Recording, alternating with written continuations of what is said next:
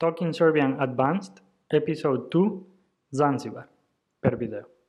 Hi guys, I hope you are doing okay. This episode is divided in two parts. The first one is the one that you're going uh, to listen right now, and the second one uh, is going to be published in our next episode. Don't forget to check our transcript. It's going to be really, really useful to connect the dots, and you may find it in our website. Zdravo, danas je tu sa nama Ljubica, moja rođena sestra i uh, inače naš dizajner. Uh, Ljubica je odgovorna između ostalog i za naš logo za Talking Serbian. Uh, I danas će nam Ljubica pričati nešto o jednoj avanturi koju je imala u martu ove godine. Zdravo Danice, hvala ti što si me pozvala u svoj podcast. Baš si zvanična. ok, um, možeš li da nam kažeš ta tvoja avantura? E, šta je to u stvari?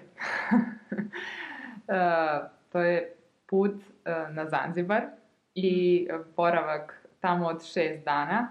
Zapravo primarno je bilo planirano devet, ali zbog okolnosti svetske pandemije je bilo prekinuto. Tako da ću ja samo pričati ovo što je bilo u toku tih šest dana. A, da, pričamo danas samo o lepom. Ljubica na neki način ugrabila poslednju priliku da koliko toliko bezbrižno putuje a, pre nego što je sve ovo postalo naša stvarnost sa koronom. E sada, znači, ti si putovala na Zanzibar, A, da li možeš da nam kažeš od svih mesta na ovom svetu kako si se odlučila uopšte za Zanzibar? Uh, Zanzibar sam otkrila pre nekoliko godina, kada još uvek nije bila toliko popularna destinacija turistička. Uh, sasvim slučajno na Instagramu, jer je jedna agencija počela da radi uh, ture iz Srbije tamo i učinilo mi se vrlo zanimljivo, osim što ima bukvalno najlepše plaže na svetu, ima jako bogat, uh, jako bogatu floru i faunu, znači biljni i životinski svet, ima zanimljive izlete, uh, zanimljivu istoriju, zanimljivu arhitekturu, hranu i sve to ukupno daje dosta ovako jedan uh, bogat sadržaj i kada odeš tamo zaista možeš da uživaš u različitim aspektima boravka. Dobro. Ovaj, a kako ti nije napalo na pamet baš, ne znam, Kuba ili e, dosta ljudi ovde sad ide na Bali ili Tajland ili tako nešto? Uh, ovo mi je bilo vrlo egzotično. Mm Malo Onako, nepoznato. Da, nesvakidašnje i nije baš bilo lako ni odlučiti se jer je daleko i potrebno je pr puno sredstava uh, da, da, da bi se pripremio uopšte da bi otišao tamo mm -hmm. uh, jer se drugačije živi. Da, to ćemo pričati posle. Da. Ovaj, e sad ti si rekao da je Zanzibar daleko i to kada kažemo zvuči daleko i u suštini mislim da je većina uh, ljudi, barem ovde, poznata sad reč Zanzibar jer kao dosta ljudi ide, postaje popularna destinacija, ali otprilike niko ne zna gde je. Gde je Zanzibar? Zanzibar je skup ostrava, odnosno arhipelag države Tanzanije, koja se nalazi na istočnoj obali Afrike, negde na sredini afričkog kontinenta. Mi smo leteli preko Dohe, -hmm. Pa, iz Beograda. Iz Beograda do Dohe, pa do Zanzibara. Put traje dosta dugo jer je i dugo trajalo presedanje. Tako da, mislim, u zavisnosti od aviokompanije i tipa leta koji uzmete, uh, može, da, može da bude i nešto kraće putovanje, ali recimo let do, od Beograda do Dohe traje nekih 6 sati i isto toliko Dohe do glavnog grada Zanzibara. A, tako da sve ukupno 12 sati leta. Wow. A koliko vam je trajalo presedanje? Presedanje je trajalo 8 sati. Uf, znači vi ste se baš naputovali. Baš. Ove... Skoro ceo jedan dan. pre nego što baš krenemo da pričamo o Zanzibaru, uh, mene zanimaju te pripreme koje si pomenula, koje si morala da, da ovaj, uradiš. I ovaj, da li je za Zanzibar potrebna vakcina? E, za sama ostrava nije potrebna vakcina zato što tu nema žute groznice koja i dalje povremeno e, vlada na kopnenom delu, odnosno na afričkom kontinentu. E, tako da ukoliko ne idete na kopneni deo, odnosno u Tanzaniju ili dalje u neku državu, nije potrebna vakcina, ali pošto su neki ljudi iz naše grupe išli na safari u Tanzaniju, ovaj, o, za njih je bilo potrebno da imaju vakcinu. Mm -hmm. Dobro. A koje si još pripreme morao da obaviš?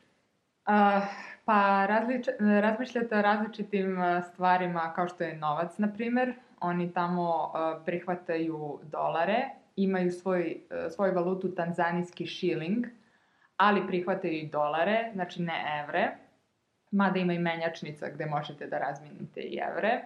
A onda, na primer, utičnice su im drugačije.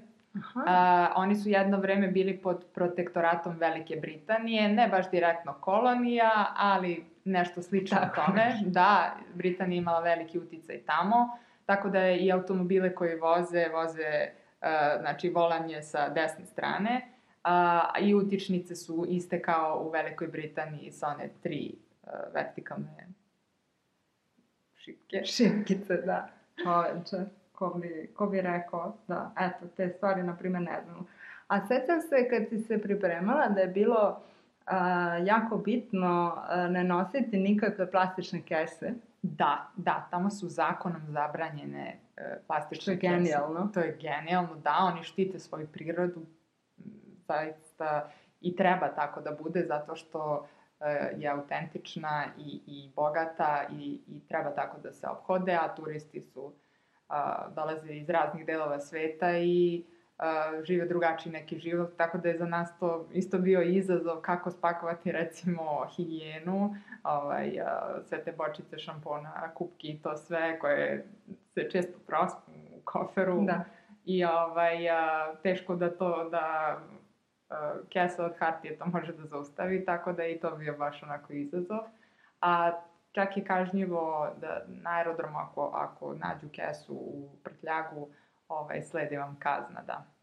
Čoveče. Da, mislim, iako je kod nas, recimo, u poslednji godinu dana ili dve opala ta, to korišćenje ovaj, plastičnih kesa, ljudi su malo svesni. Opet, za putovanje je to onako a must. Pa jes. Za obuću, za kozmetiku. Jeste, zato što plastika zapravo najbolje a, štiti od daljeg rasipanja substance da, koje se nalaze, nalazi u njoj. Dobro, a čekaj, mislim, samo da te pitamo vezano za kese, kad tamo kupiš nešto, kakvu kesu ti daju? Papir. Papirnu, pa to da. je super, to je odlično. Dobro, e sad, znači, ajde da vidimo malo još stvari u uh, Zanzibaru. Reka si nam koje državi pripada, gde se nalazi. Sad jedno uh, trik pitanje, kako se zove stanovnici Zanzibar. Kako bih ti nazvala? Zanzibarci? Zanzibarci, meni je bilo u glavi Zanzibarđani. Tako da, eto, znate da se mi bunimo oko nekih naziva ljudi, e, to je meštana, koji nisu, za koje nismo dosta čuli i se ne, ne upotrebljavaju toliko. Dobro, e, koliko ima stanovnika na samom, na samim tim ostrovima ili na tom ostrovu gde ste vi bili, otprilike? E, ja sam našla podatak da ima e, milion i 300 hiljada. Samo na tom, tu gde ste vi bili ili na, na celom tom arhipelagu? Mislim da na celom arhipelagu, mada to najveće ostrvo je, mislim, najviše naseljeno. O, o, ova druga ostrva, ne znam ni da li uopšte imaju uh, ta, takvu vrstu naseljavanja. To je da. da, da li postoje uh, stambeni objekti da. ili su samo turistički neke, turističke atrakcije tamo, a veliki broj ostrava je zapravo samo ili neki peščani sprut koji se povremeno pojavljuju u zavisnosti od plime i oseke, ili su to zaista neka mala ostrava gde odete na izlet da obiđete te neke uvale koje tu postoje i, i da vidite tu plažu, nije, ne, nema neku infrastrukturu koja bi mm -hmm. mogla da, da služi za neki bogatiji život tamo. Pa da, verovatno je onda tako. Dobro, a koje jezike pričaju? A, oni pričaju swahili, a, to je njihov lokalni jezik, ali goro, govore i arapski i engleski. Engleski kreću da uče u školama a, negde od nekog petog razreda, tako otprilike, mm. -hmm. kad imaju možda 12-13 godina. Tako su nam rekli, pošto smo u jednom trenutku obišli školu u jednom zanzibarskom selu. Mhm, to ću vam isto posle reći kako je bilo. I čime se uglavnom bave ljudi koji žive na Zanzibar? A, mislim da sada, definitivno kad je Zanzibar malo popularnija destinacija, a, da im je primarna a, privredna grana turizam zapravo i da, da, da im to donosi najviše neke dobiti, a, a drugo bi vratno bila poljoprivreda, uzgajanje različitog voća, začinskog bilja, koje oni dalje izvoze zato što na samim ostrvima nemaju fabrike za preradu bilo čega, to, to je ipak preveliki zalogaj za njih, tako da e, Primarni neki. da, samo uzgajaju i izvoze. Dobro. Ok, i e, kakvi su oni kao ljudi, da li su gostoljubivi, kakvi su prema turistima? Uh, oni su uh, opušteni vrlo. Njihova parola je Akuna Matata, koja je nama poznata, možda čak nismo ni znali da, da potiče iz te neke regije. To znači samo polako, sve će biti okej. I oni to stalno pričaju, stalno idu za tobom i oni se jednostavno ne nerviraju. To im je neka mantra uh, po kojoj žive život i nema nikakvog uzbuđenja toplo je, oni imaju lepe plaže, jedu voće, uživaju i e, s obzirom da im je život jednostavan, verujem da i nemaju neki preveliki razlog za nerviranje, stvarno jesu dosta opušteni, ali s obzirom da su dosta siromašni, a, dosta umeju da budu i napadni prema turistima, jer to vide kao neki glavni izvor zarade, i umeju da budu naporni kada pokušavaju da vam prodaju nešto. A možda se nisu još, nisu se još navikli ili ne znaju još uvek kako treba sa turistima. Pa možda, možda im je to i taktika na foru, evo ti para, samo se skloni od mene, da, da će neko tako da reaguje Mm, moguće. prema njima.